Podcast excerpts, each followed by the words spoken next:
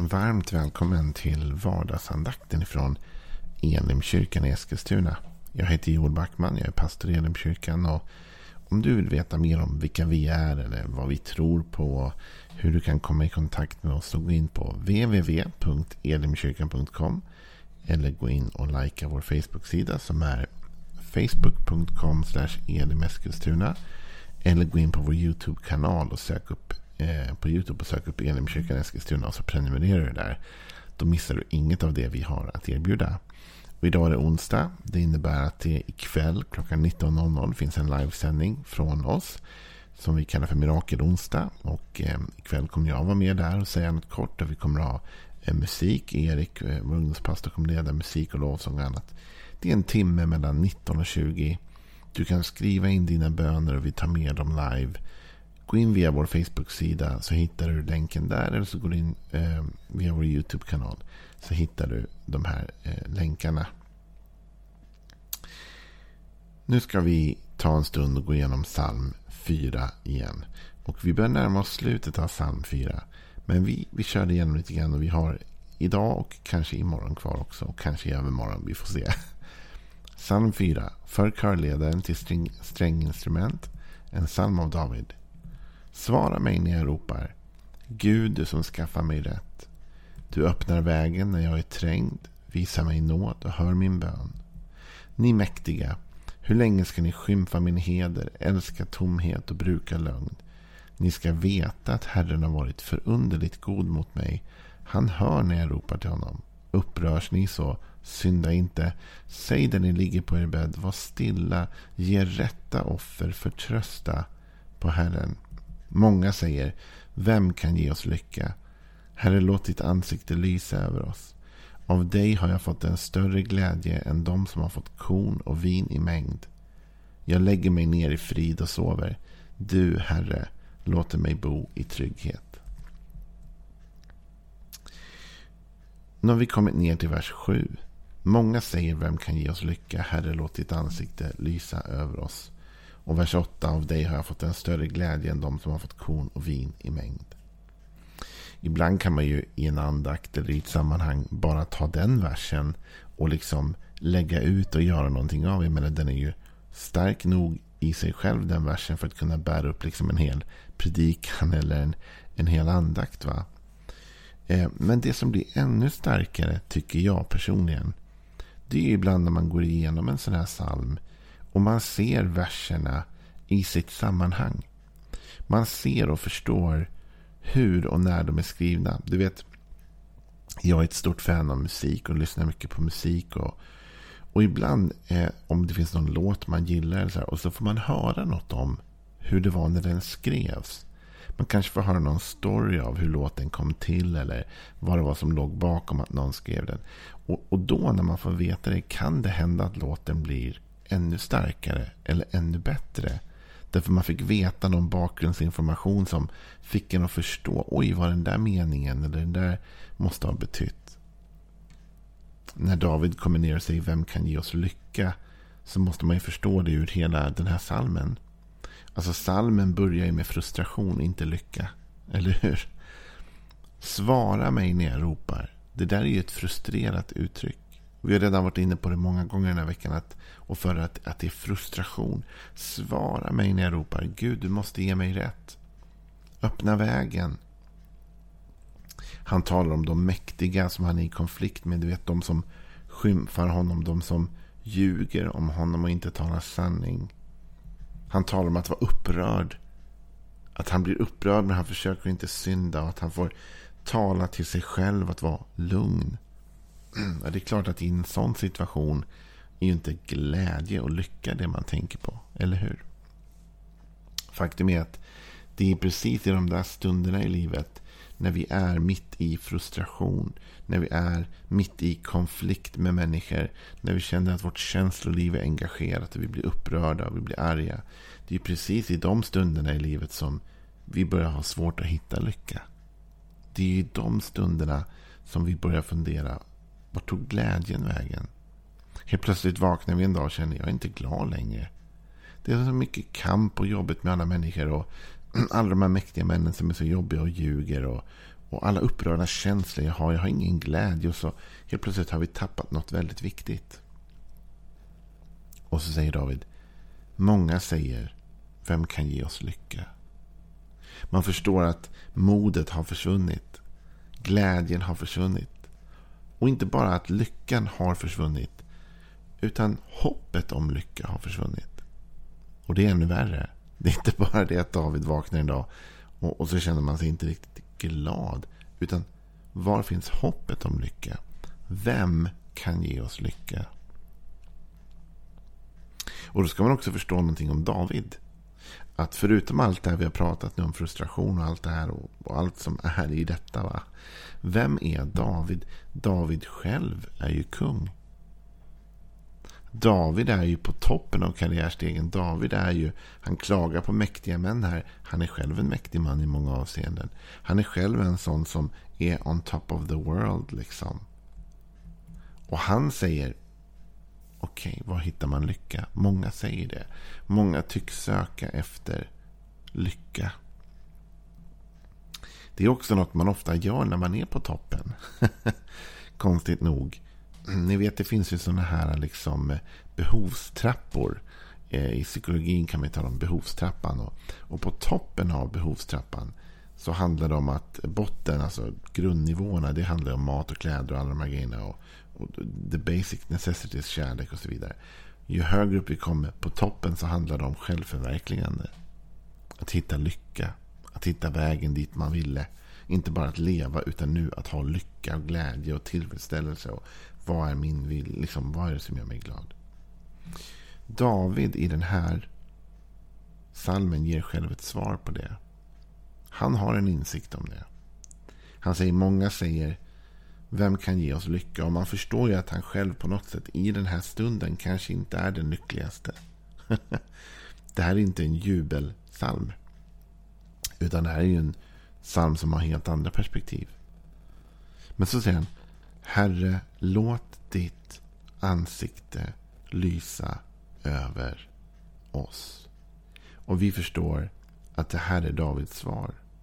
Att Herrens ansikte lyser över. Såklart handlar det om relationen med Gud. Såklart handlar det om Gud. Såklart handlar det också om välsignelsen. Därför att det här är ju ett, ett uttryck som kommer ur den aronitiska välsignelsen. Ni vet där där Aron får av Gud vad han ska säga när han välsignar folket. Då ska han säga Herren välsignar er och bevarar er. Herren låter sitt ansikte lysa över er och visar er nåd. Så det, det, David säger det. Herre, din välsignelse ger glädje. Många undrar vart finner man lycka, vart finner man glädje någonstans. Din välsignelse ger lycka. Av dig har jag fått en större glädje, säger David, än de som har fått korn och vin i mängd. Och det har han ju också själv fått. Han är ju själv på toppen.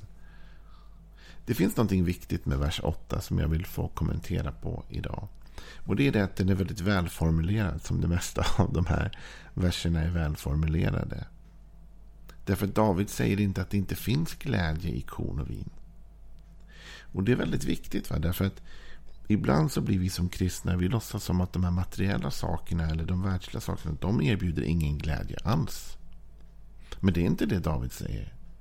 David säger inte att det inte finns glädje i korn och vin i mängd. Och då handlar det inte om alkoholen här. När David talar om korn och vin va, så talar han om statussaker. Han talar om saker som då var, liksom, gjorde att du var en statusperson. Och David säger inte att det inte finns glädje i det. Det finns glädje i det. Det är klart det finns glädje. Det vet väl alla som har fått en löneförhöjning eller som fick tillbaka lite mer på skatten än man hade trott eller vad det nu kan vara. Att det finns en glädje. Såklart det finns en glädje i även saker. Men det finns större glädje än det. Och den glädjen är väldigt tillfällig och temporär och, och försvinner lika snabbt som den kommer. Men David säger, av dig har jag fått en större glädje. Med andra ord, det är inte det att det inte finns glädje där. Men det finns en större glädje. En djupare glädje som inte är beroende av vad jag har eller inte. För när David talar om att glädjen är att de som har fått korn och vin i mängd. Då talar han ju om glädjen över det man har fått. Men David säger att glädjen borde ligga i Guds välsignelse.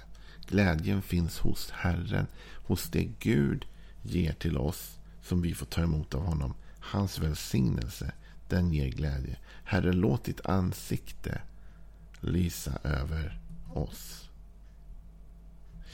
Och det är en bön om lycka och en bön om glädje. Det är också viktigt att kommentera på. Det är okej okay att be om glädje. Det är okej okay att be om lycka. David säger till och med, det är många som längtar efter det. Många säger, vem kan ge oss lycka? Det kan ju vara så i livet ibland att vi får för oss en massa dumma saker. Till exempel liksom att det inte skulle vara okej okay att be om glädje eller lycka. Att vi ska lida igenom livet ungefär. Va? Att vi liksom bara ska härda ut eller vad som helst. Men David säger inte det. David säger, ja det är många nu som säger, var finns glädjen? Var finns glädjen någonstans? Herre, låt ditt ansikte lysa över oss. Med andra ord, kom med glädje till oss. Kom med glädje in i min frustration, irritation, min upprördhet. In i den här kampsituationen. Kom med glädje. Kom med en glädje som är större och viktigare och bättre och djupare än bara allt det jag har i mitt liv. Som är större än pengar eller saker eller prylar. Kom med den djupa glädjen in i mitt liv. Så vad du än går igenom för kamp i livet. Det är okej okay att vilja ha glädje. Det är okej okay att be Gud om glädje. Jag satt i ett sorgesamtal en gång. Det får man ju faktiskt ibland göra som pastor. Och eh, pratade med en person som kände skuldkänslor. Därför att den kunde uppleva glädje.